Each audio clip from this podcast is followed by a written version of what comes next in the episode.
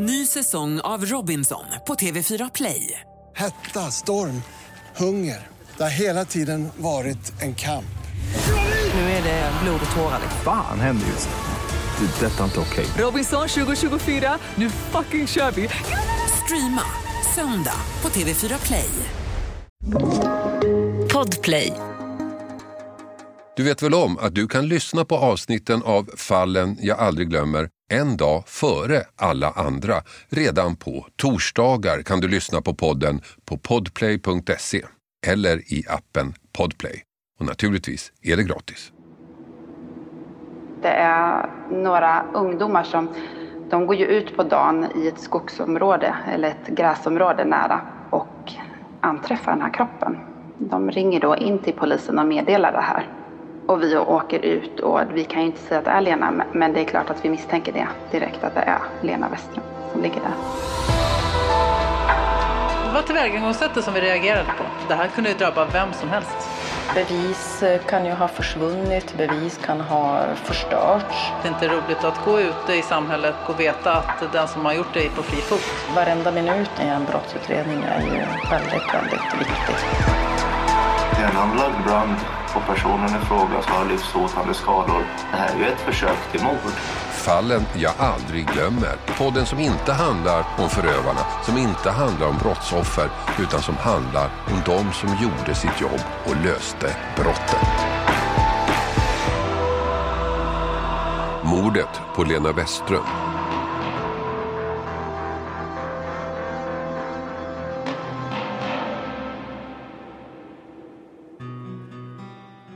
Det såg ut som ett ganska typiskt ärende, en händelse som inträffat förut, ett fall där gärningsmannen är given. En kvinna försvinner och är troligen mördad. Hon har en komplicerad relation med en man som saknar alibi. Han grips efter ett par dagar och det ser ut som om allt är på väg att klaras upp. Men det skulle visa sig bli mer komplicerat än så. Mycket mer komplicerat. Det blir i själva verket den största mordutredningen i Örebropolisens historia. En utredning som kommer att ta tre år. Och till slut ändå hamna där den började, hos den misstänkte mannen. En man som tar sitt liv samma dag som domen faller. Jag talar om mordet på Lena Westström i Örebro 2018. Det är tidig morgon den 15 maj 2018. Hemma hos 45-åriga Lena Westström i villaområdet Gärsta i Örebro ska det firas födelsedag. Hennes son fyller sex år och ligger i sängen och sover. Hennes exman och de två andra barnen är på väg för att de alla tillsammans ska väcka lillkillen med tårta och presenter. Men när exmaken och barnen kommer är något väldigt konstigt. Lena är inte där. Ytterdörren är olåst, de går in i huset och på köksbordet ligger paket till hälften inslagna som om paketeringen avbrutits. Och uppe i sitt rum ligger sexåringen och sover. Men av Lena syns inte ett enda spår. Hon svarar inte heller i telefonen. Allt är mycket mystiskt. Allt för mystiskt för att det ska finnas en naturlig förklaring. Exmaken ringer polisen. Och där startar alltså det som ska bli en av de största mordutredningarna någonsin. En lång utredning, en komplicerad utredning, en utredning som också kom att utsättas för en hel del kritik. Exmakens anmälan togs på största allvar från början. Det fanns för mycket märkliga omständigheter för att det skulle kunna finnas en naturlig förklaring. Lisa Ren är utredare på sektionen för grova brott och kom att jobba med det här fallet i flera år. Men från början var det jourroten i Örebro som fick anmälan och de insåg snabbt att något märkligt hade hänt. Så här berättar Lisa Ren om märkligheterna. Det var flera saker. Dels försvann eh, den här kvinnan Lena väldigt abrupt. Hon ska dagen efter fira sin yngsta son födelsedag, han fyller 12 år. På kvällen så konstateras det ganska snabbt att hon sitter och slår in paket. Hon deltar i flera chattkonversationer och förbereder massor för dagen efter. På morgonen när hennes exman tillsammans med de två äldsta barnen kommer hem till Lena för att fira den yngsta sonen så är hon försvunnen. Eh, de tror ju inledningsvis att hon möjligtvis kan ha gått och slängt sopor eller liknande men när ja, minuterna och timmen går så förstår de att hon är helt enkelt borta. Och det är helt osannolikt att hon ska ha försvunnit när de ska fira sonen, eh, hans födelsedag. Och det konstateras också att hon har avbrutit mitt i en paketinslagning och även lämnat de här chattkonversationerna eh, väldigt abrupt. Ja, bara det faktum att hon försvunnit under de här omständigheterna var skäl nog att misstänka att något allvarligt hade hänt. Men bara timmar efter anmälan uppdagades nästa skäl till oro. Det fanns nämligen en polisanmälan från Lena, en anmälan om misshandel. Hon hade blivit misshandlad av en man, en man hon hade ett förhållande med, en man som naturligtvis blir högintressant. Så här berättar Lisa Ren. Det framkommer i de första samtalen som exmannen ringer till polisen att hon har haft ett förhållande eh, med den här mannen, Stefan. Och att den har skett lite i det dolda eftersom han då är, eller hade varit gift under tiden. I och med det så kollar ju polisen lite närmare på det och konstaterar ganska snabbt där att Lena har gjort anmälningar mot den här personen tidigare. Och de anmälningarna rörde ofredande och misshandel. Därför riktas ju blickarna mot den här mannen ganska snabbt. Men vad är det då som gör att man tar honom så tidigt och sen släpper honom ganska omedelbart? Det här är ju fortfarande då ärendet ligger i jourmiljö. Då är inte vi på grova brott inblandade och det är en jouråklagare dessutom. Man tror ju direkt där att Lena inte har försvunnit frivilligt utan man misstänker människorov. Den enda tänkbara personen är den här mannen som man väljer att plocka in honom på ett förhör och även delge honom misstanke för människorov. Under tiden som han sitter frihetsberövad, vilket handlar om några timmar endast då, så gör man en husrannsakan i hans bostad. Det är väl framför allt för att undersöka så att inte Lena finns i bostaden. Och det konstaterar man att hon inte gör. Och man har inget vidare att gå på varpå han släpps fri. Lena Westström lever ett normalt liv i sin villaförort. Hon är singel och har alltså ett förhållande med en man som också lever i en villaförort. Två helt vanliga medborgare, två helt vanliga liv, utom på en punkt. Förhållandet. Det sticker ut på två sätt. Det ena är att mannen är redan gift. Det handlar alltså om en sidoaffär.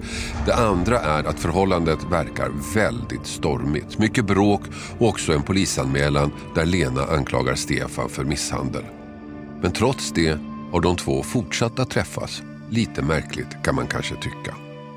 Och det är nu som jourorten lämnar över ärendet till sektionen för grova brott och Lisa Ren kommer in i utredningen. En utredning om en försvunnen kvinna, en utredning med en statistiskt sett självklar misstänkt person, Stefan. Utredarna utgår från att Lena råkat ut för ett brott och för Lisa Ren och de andra utredarna är det självklart att lägga fokus på Stefan. Ja, så tillvida att han är ju den som har svarat upp som hennes närmsta eh, person. Det är den hon har haft en relation med. Och det är han vi inledningsvis utreder. Vad fann ni då? Inledningsvis konstaterar vi, Stefan konstaterar också att de har haft en relation. Han säger inledningsvis att den är avslutad. Det här bekräftas ganska snabbt av Lenas omgivning, av vänner och sånt som vi pratar med, att den har varit pågående fortfarande under våren. Vi hittar även, eller Stefan visar oss eh, meddelanden som de har haft på kvällen då Lena försvinner. Där Lena har skickat en, en inbjudan till Stefan på den kvällen hon försvinner. Hon skickar en bild på en kaka och, och frågar om Stefan vill komma och äta lite sådan kaka med henne senare på kvällen. Så det är den personen hon bjuder in. Ni går också ut med namn och bild i bland annat Efterlyst. Varför gör ni det? Det är för att hon är försvunnen. Det är åklagaren och spaningsledning som tar beslut om det här. Det är en försvunnen kvinna och vi vill få in tips eh, om man kan hitta henne helt enkelt.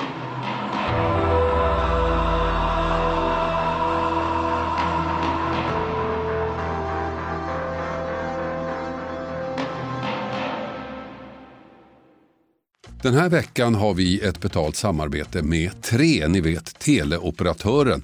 Den jag själv har faktiskt och är väldigt nöjd med. Men det är många som tror att Tre inte har särskilt hög täckningsgrad, vilket är fel. Och så är det ju faktiskt med mycket vi tror oss veta, att det vi tror är sant kan vara falskt och det vi tror är falskt kan visa sig vara sant. Jag hade faktiskt ett telefonsamtal med en kompis för inte så länge sedan, via tre då förstås, och vi snackade om myter.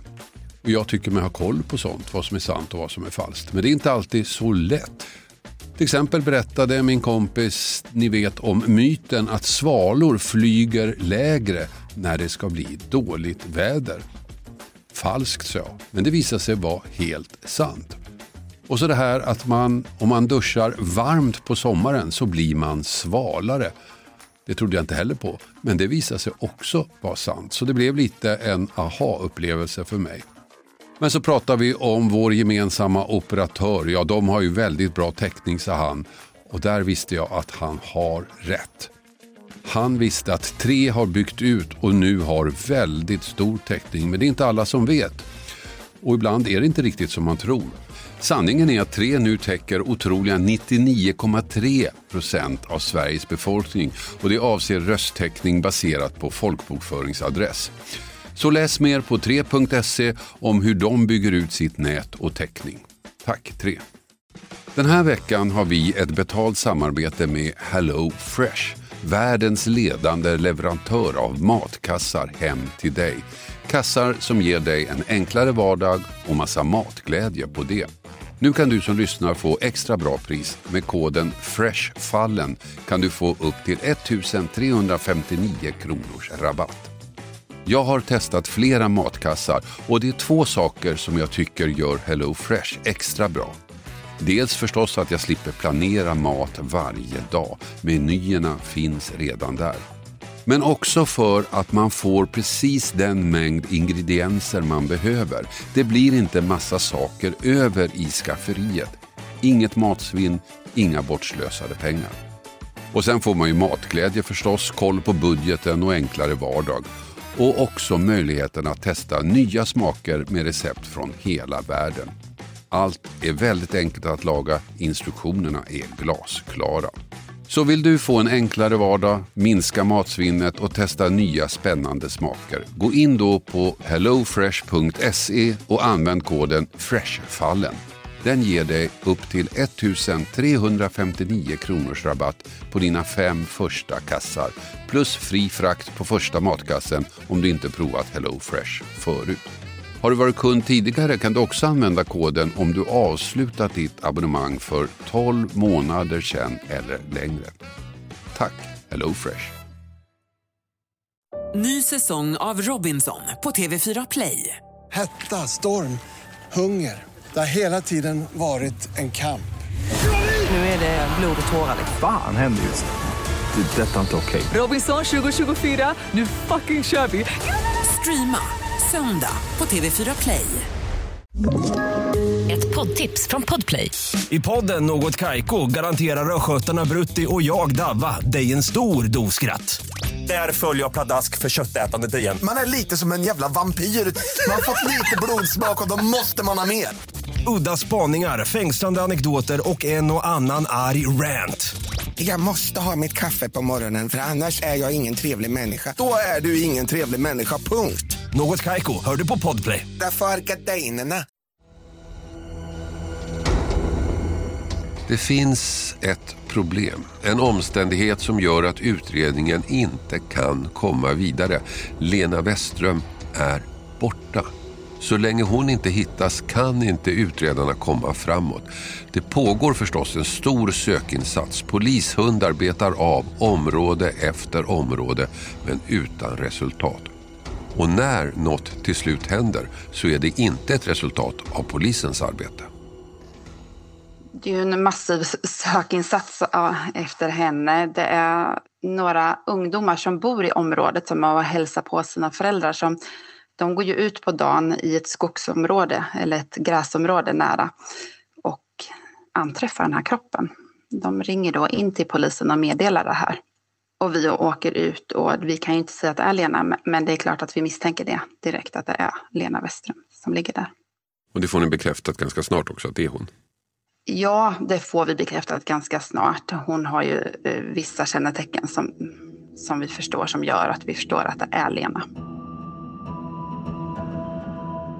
Lena Westström hittas och utredningen intensifieras. Nu finns en kropp, en kropp som med all tydlighet visar att hon mördats. Och nu finns också en brottsplats, förhoppningsvis full med spår. Men inte nog med det. När det blir känt att det är Lena Westströms kropp som hittats hör en tipsare av sig, en kvinna som samma dag som Lena Westström försvann hörde fruktansvärda skrik som av dödsångest. Så fruktansvärda att kvinnan ringde larmcentralen. Polisen? Ja, hejsan, Emelie heter jag. Hej. Hej. Du, jag och min sambo låg för en stund sedan i sängen med öppet fönster och hörde, eller vaknade av ett ganska så kraftigt kvinnoskrik. Okej, okay, vart var det här någonstans då? Eh, vi är i Gamla Gärsta i Örebro. Ja. ja, det skulle ju kunna vara något som har hänt, det klart. Och samtidigt så behöver det ju inte vara någonting alls. Nej, precis. Men jag var inne på det fler som har ringt in eller sådär. Nej, inte ett enda samtal. Nej, men för det var ganska så kraftigt ja. så, så att vi reagerar på det. Ja, man reagerar ju på skillnaden på skrik gör man ju. Ja, men precis. Och ju upprepade gånger också. Så. Det var det? Ja. Bara skrik, inget ord i det hela eller? Nej, bara skrik. Alltså sån här gallskrik riktigt. Ja, okej. Okay. Ja, väldigt rådigt av er att åka ut och kolla alla fall. Ja. Nej, men eh, som sagt, du är välkommen att ringa tillbaka om det så att ja. hittar något såklart. Absolut. Men eh, vi eh, får be patrullerna lyssna lite noggrannare där ute nu. Ja, men precis. Så finns de i området. Ja. Bra, tack för att du ringde. Tack. Ja, tack. Hej. Hej. Skriken kommer med all sannolikhet från Lena Westström vilket innebär att utredarna nu har en ganska exakt tid för när hon dödats. En mycket viktig detalj i en mordutredning. Samtidigt pågår den tekniska undersökningen av brottsplatsen. Precis direkt så tar vi dit både kriminaltekniker och rättsläkare från, NFC kommer, eller från RMV kommer dit eh, och påbörjar sina undersökningar och de pågår ju eh, under flera dagar. Man kan ganska snabbt konstatera att det är inte bara fyndplatsen utan även brottsplatsen. Vilket gör då att hon har legat där i hela fem dagar innan hon hittas. Kriminalteknikerna påbörjar då liksom ett massivt arbete att säkra spår på brottsplatsen. Vilket såklart har påverkats av att hon har legat där i fem dagar. Så vissa spår kan ha blivit påverkade. Vad är det ni hittar konkret som ni kan använda i utredningen? Eh, givetvis kollar man ju efter spår som fotspår och andra saker som kan ha avsatts av en gärningsman. Man kollar efter tillhyggen som kan ha använts. Det konstateras ganska snabbt att hon har blivit slagen till döds med någon form av tillhygge. Man kollar efter om det kan finnas blod, inte bara från offret utan även från en gärningsman. Man letar DNA och det är en enorm mängd spår som säkras eh, för att skickas till NFC. Man kollar även om, om man kan ha kvarlämnat någonting annat. Det hittas vissa burkar på platsen som undersöks. Om de kan ha varit lämnade från gärningsmannen, vilket de inte var. Man letar fysiska spår helt enkelt. Resultatet blir ganska magert. Ni hittar inte något direkt avgörande. Nej, det visar sig att det, vi hittar inte ett enda spår efter en gärningsman på den här platsen. Utan allt som skickas in visar innehålla Lenas DNA. Så vi hittar helt enkelt inget spår efter en gärningsman. Nej, inte ett enda tekniskt spår, inte ett enda bevis som pekar mot Stefan eller någon annan. En väldigt frustrerande situation.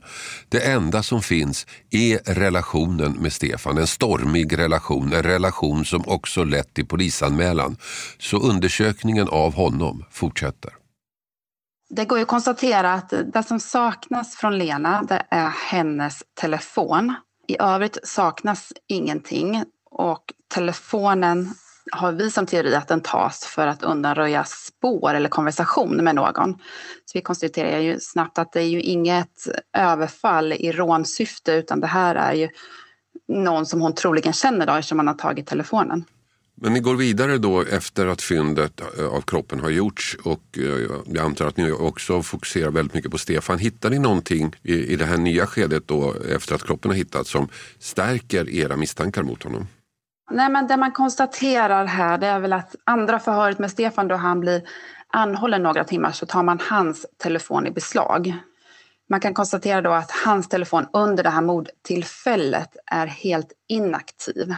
I vanliga fall så är han, använder han sin telefon frekvent men hans telefon används inte alls under den här tiden för mordet. Och tiden för mordet har vi kunnat fastställa utifrån de här vittnena som hör skriken. Plus att vi ser när Lena lämnar den här chattkonversationen som hon har pågående. Vi kan även konstatera att Stefan eh, i samband med att han väntar på att få komma in på förhör två så tar han över 900 bilder med sin telefon. Och det här tror jag att vi att han gör för att skriva över information som han har i sin telefon. Och han uppger ju själv att han gör det här av misstag men vi kan ju konstatera att det inte alls är misstag för samtidigt som han gör det här så har han pågående chattkonversationer med andra personer. Vad är det som gör att ni tar in honom och anhåller honom i det här läget? Har, har ni någonting som så att säga stärker bevisningen eller misstankarna? Vi har inget som har kommit från NFC utan det vi går på eh, det är att Lena har bjudit in honom där på kvällen. Att de har haft en pågående relation. Eh, att Stefan då har inget alibi för kvällen som man kan presentera. Eh, och att vi har gått igenom hans telefon och konstaterar eh, att hans eh, telefon inte används under brottstillfället. Förhöret med Stefan leder alltså till att han blir häktad. Men bara en vecka för att det ska bli längre krävs mer bevis. Veckan går, inget nytt kommer fram och Stefan släpps. Och nu är utredningen nere på noll igen. Men polisen ger inte upp. Istället startas ett intensivt, detaljrikt och tidsomfattande arbete. Det är flera saker som vi undersöker. Givetvis så kartläggs Lenas liv. Eh, det visar sig att hon har en, ett stort umgänge. Vi håller en mängder av förhör med hennes umgänge. Och vi hör även folk på, i området kring brottsplatsen och kring eh, bostadsområdet där de bor för att få bevisning. Vi kartlägger även Stefans liv. Eh, vi pratar om deras arbetsplatser. Det görs ju även kriminaltekniska undersökningar, dels av brottsplatsen, dels av Lena och de kläder hon hade på sig. Stefan och Lenas bostäder undersöks, deras bilar. Och det kommer in spår efter spår som visar i riktning mot att Stefan skulle kunna vara gärningsmannen. Vilka är de viktigaste av de spåren? Dels så kan vi eh, utifrån bilder som Stefan har skickat på den här eh, mordkvällen har han fotograferat sig själv på väg till ett eh, idrottspass. Och då visar han ett par skor han har på sig på kvällen. Dessa skor tas in av polisens tekniker och undersöks och i de skorna så hittar man blod och i blodet så finns Lenas DNA. Det görs även brottsplatsundersökning hemma hos Stefan och på hans tvättmaskin finner teknikerna ytterligare blod med Lenas DNA i. Stefan har ju dessutom berättat att han på den här mordkvällen använder sig av tvättmaskinen. Hans eh, berättelse är ju att han ska åka till USA och behöver tvätta kläder för att ha dagen efter. Vi tänker att han eventuellt kan ha tvättat kläder som han har använt vid det här tillfället och därav har Lenas blod kommit på tvättmaskinen.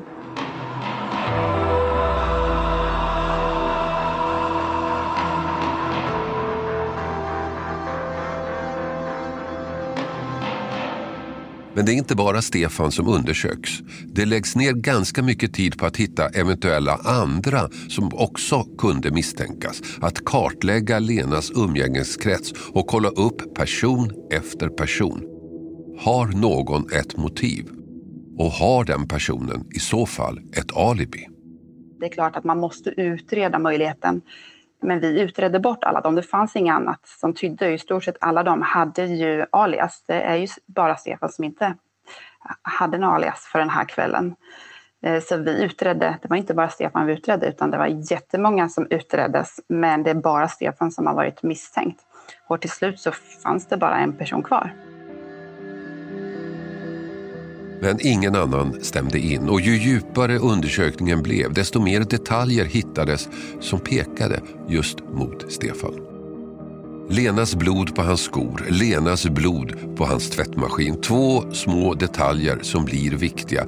Detaljer som i och för sig inte per definition pekar på att Stefan är mördaren, men de är besvärande. En annan detalj blir också viktig i utredningen. Lenas ring, den som hon hade på sig när kroppen hittades. Fanns det DNA på den möjligen? Man undersöker ju om det finns något spår på Lena efter gärningsmannen. Lena har, bär ringar vid tillfället eh, då hon dödas. De här ringarna topsas av polisens tekniker och man inriktar sig på de delar där man kan tänka sig att Lena har varit i kontakt Eh, med en gärningsman om hon har eh, avvärjt pågående anfall eller, att, eller försökt att försvara sig. De delarna topsas och där konstaterar man att det finns DNA eh, från två personer varav NFC lyckas bara ta fram en av personerna och det är Lena själv. Vi väljer då att gå vidare och skicka det här till ett laboratorium i Holland som undersöker och lyckas ta fram den andra DNA-bilden och det visar sig då vara Stefan Davidsson. Stefan har ju en förklaring på det här att det är ju från tillfället då de senast träffades. Eh, men för oss så är ju det ett spår från brottsplatsen. Blod på skor, blod på tvättmaskin och nu också Stefans DNA på Lenas ring. Högen med bevis är inte stor, men blir lite tyngre och tyngre. En sak som fattas är Lenas telefon. Den skulle ju också kunna innehålla avgörande spår, men den är alltså borta och kan inte tömmas. Det tar tid, men till slut hittar utredarna ett sätt att komma åt informationen trots att själva telefonen saknas. Vi har förstått via hennes eh, vänner som vi hör att hon har sparat väldigt mycket på den här molntjänsten. Vi hör av oss bland annat till Messenger i USA för att få del av hennes Messenger-konversationer. Men, men det tar en enorm tid. Vi skickar en rättshjälpsbegäran men USA tar tid på sig och när vi väl får ut det så får vi endast en vecka tillbaka i tiden och vi skulle vilja ha mer. Efter lång tid så kommer vi fram till att eh, vi kan med Lenas familjs medgivande gå, logga in på Messenger-kontot eller på Google-kontot. Och där får vi en uppsjö av information. Bland annat så har Lena spelat in väldigt mycket samtal med henne och med vänner där de berättar om Stefan och hennes relation. Vi hittar även massor med inspelade samtal mellan henne och Stefan där vi får höra om deras relation. Eh, vi hittar bilder, vi hittar ett enormt kommunikationsmaterial mellan henne och Stefan. Där vi hör hur de pratar om att döda varandra, eller vi ser hur de skriver om att döda varandra. Det här förklarar Stefan senare med att det, att det är ett skämt de har emellan varandra, att det är inget allvar i det. Men det verkar som re- relationen är väldigt ansträngd. Den är väldigt ansträngd, ja det kan man säga. Försöker hon hota honom att avslöja det här för hans fru? Det gör hon upprepade tillfällen. Om hon inte får, om han exempelvis inte gör saker som hon vill och det kan vara att hon vill gärna att de ska träffas. Då kan hon hota med att avslöja och det här gör hon så sent som några månader innan eh, händelsen. Så hotar hon om det här. Även om deras relation håller på att avslutas faktiskt där under våren 2018 så hotar hon fortfarande med det här.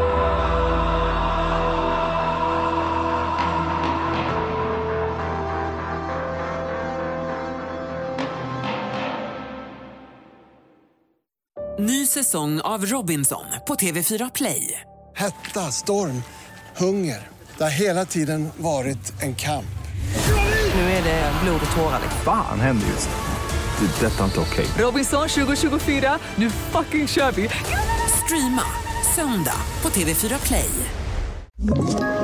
Ett poddtips från Podplay. I podden Något Kaiko garanterar östgötarna Brutti och jag, Davva, dig en stor dos skratt. Där följer jag pladask för köttätandet igen. Man är lite som en jävla vampyr. Man har fått lite blodsmak och då måste man ha mer. Udda spaningar, fängslande anekdoter och en och annan arg rant. Jag måste ha mitt kaffe på morgonen för annars är jag ingen trevlig människa. Då är du ingen trevlig människa, punkt. Något kajko, hör du på podplay. Därför är gardinerna.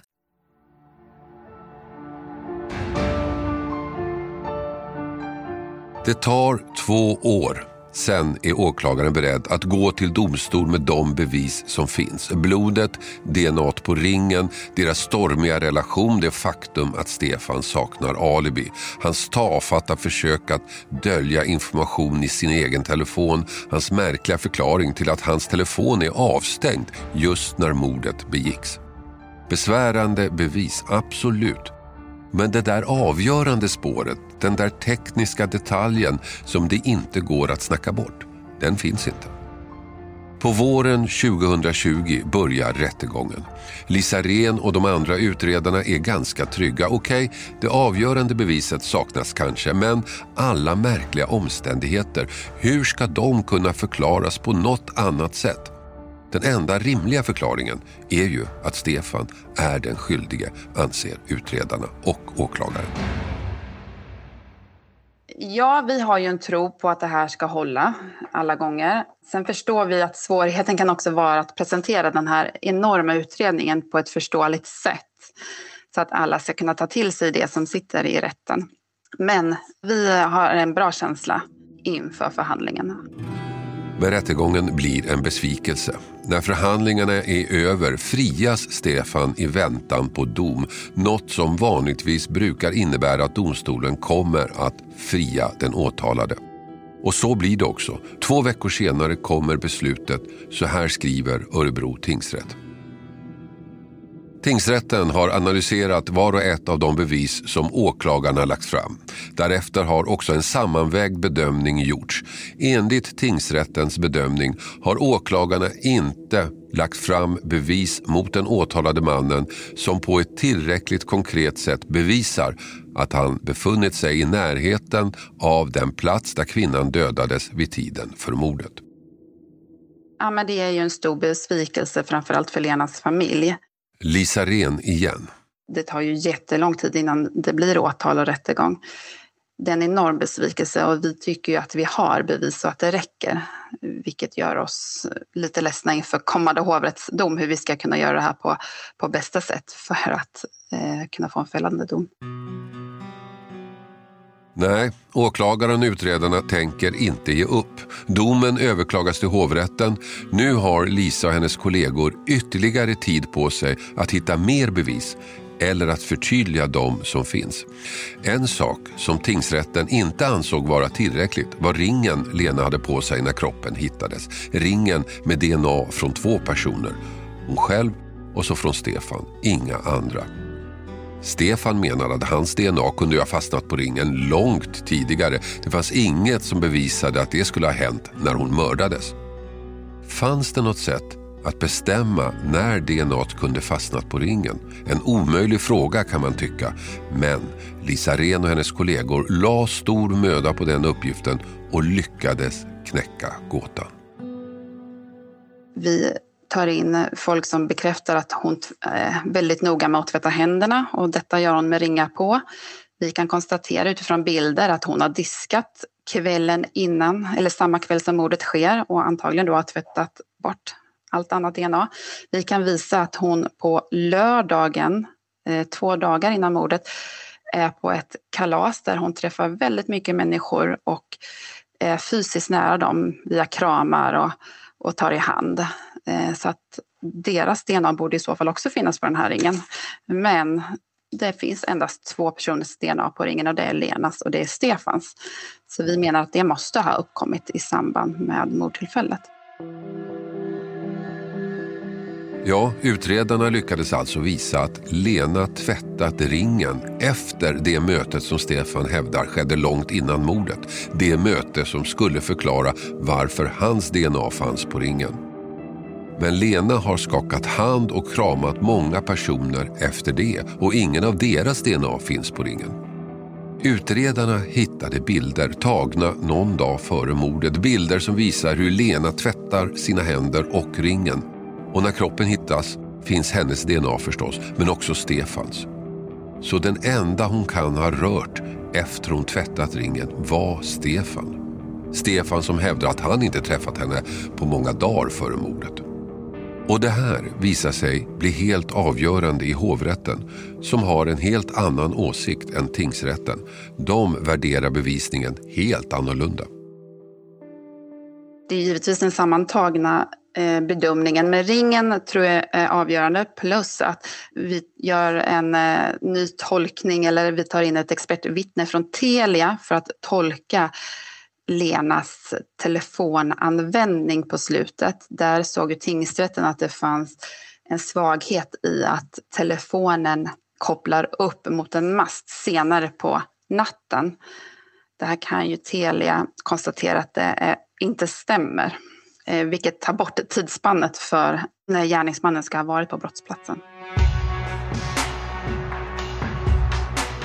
Domen kommer 28 maj 2021, mer än tre år efter att Lena Westström försvunnit. Stefan döms till 18 års fängelse för att ha mördat henne. Ett hårt straff, men ett straff han aldrig kommer att avtjäna. På polisstationen väntar man på domen. Blir den fällande ska man åka och hämta Stefan som än så länge är på fri fot. Men det blir ingen hämtning. Vi är ju på polisstationen för att ta emot domen och sen får vi veta att Stefan inte finns i livet längre. Det når polisen ganska snabbt efter att händelsen skett. Först är det lite oklart vad som hänt. Men efter en tid så står det helt klart. Stefan är hemma när domen faller och får veta att hovrätten befinner honom skyldig. Där och då avslutar han processen själv. Där och då tar han sitt eget liv. Att Stefan inte häktades i väntan på dom är bara en sak som kritiserats i den här utredningen. Andra saker är att det tog så lång tid att hitta kroppen och dessutom byttes spaningsledningen ut mitt under utredningen av skäl som skulle kunna betecknas som politiska. Och inte minst Stefan själv var väldigt kritisk mot hela processen och mot att han överhuvudtaget var misstänkt. Så här sa han i hovrätten. Eh, skulle jag ha begått brottet då hade, det, hade man inte förstått att det var ett brott överhuvudtaget. Då hade det sett ut som en olycka. Det är nästan så det, jag känner mig förnärmad av att bli kallad för att ha utfört det här mordet för det är så rakt igenom klantigt utvalt nästan. Mm jag, är smartare än så, jag lovar. Jag är för smart, menade alltså Stefan. Jag hade aldrig åkt dit, jag är smartare än så. Det var hans argumentation. Men när jag tittar på själva händelseförloppet så blev det ju precis nästan just så som Stefan sa. Att ingen kunde dömas för mordet. Att det var utfört på ett sådant sätt att polisen aldrig skulle klara upp det. Att mördaren var för smart. Nästan blev det så. Men tydligen var inte mördaren så smart som han själv trodde. För Lisa Ren blev det här den mest omfattande utredning hon jobbat med. Ja, det är absolut den mest omfattande utredningen. Det är Örebropolisens mest omfattande utredning, den största utredningen vi har haft där. Eh, det har tagit oss tre år fram till hovrättsdomen. Så det har tagit en enorm tid. Det som har varit fördelaktigt är att vi har varit samma utredningsteam i stort sett från dag ett till den avslutande domen. Eh, och det har lagts ner ett jättejobb och ett otroligt engagemang av åklagarna, vilket jag är jätteimponerad över.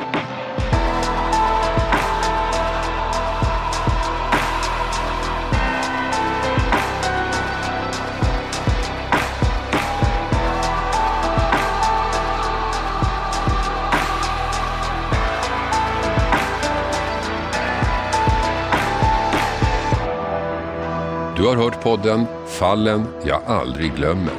Klippning David Davva Persson. Och jag heter Hasse Aro. Du vet väl om att du kan lyssna på avsnitten av Fallen jag aldrig glömmer en dag före alla andra. Redan på torsdagar kan du lyssna på podden på podplay.se eller i appen Podplay. Och naturligtvis är det gratis. Podplay. Ny säsong av Robinson på TV4 Play. Hetta, storm, hunger. Det har hela tiden varit en kamp. Nu är det blod och tårar. Fan händer just nu. Det. är Detta är inte okej. Robinson 2024, nu fucking kör vi! Streama söndag på TV4 Play.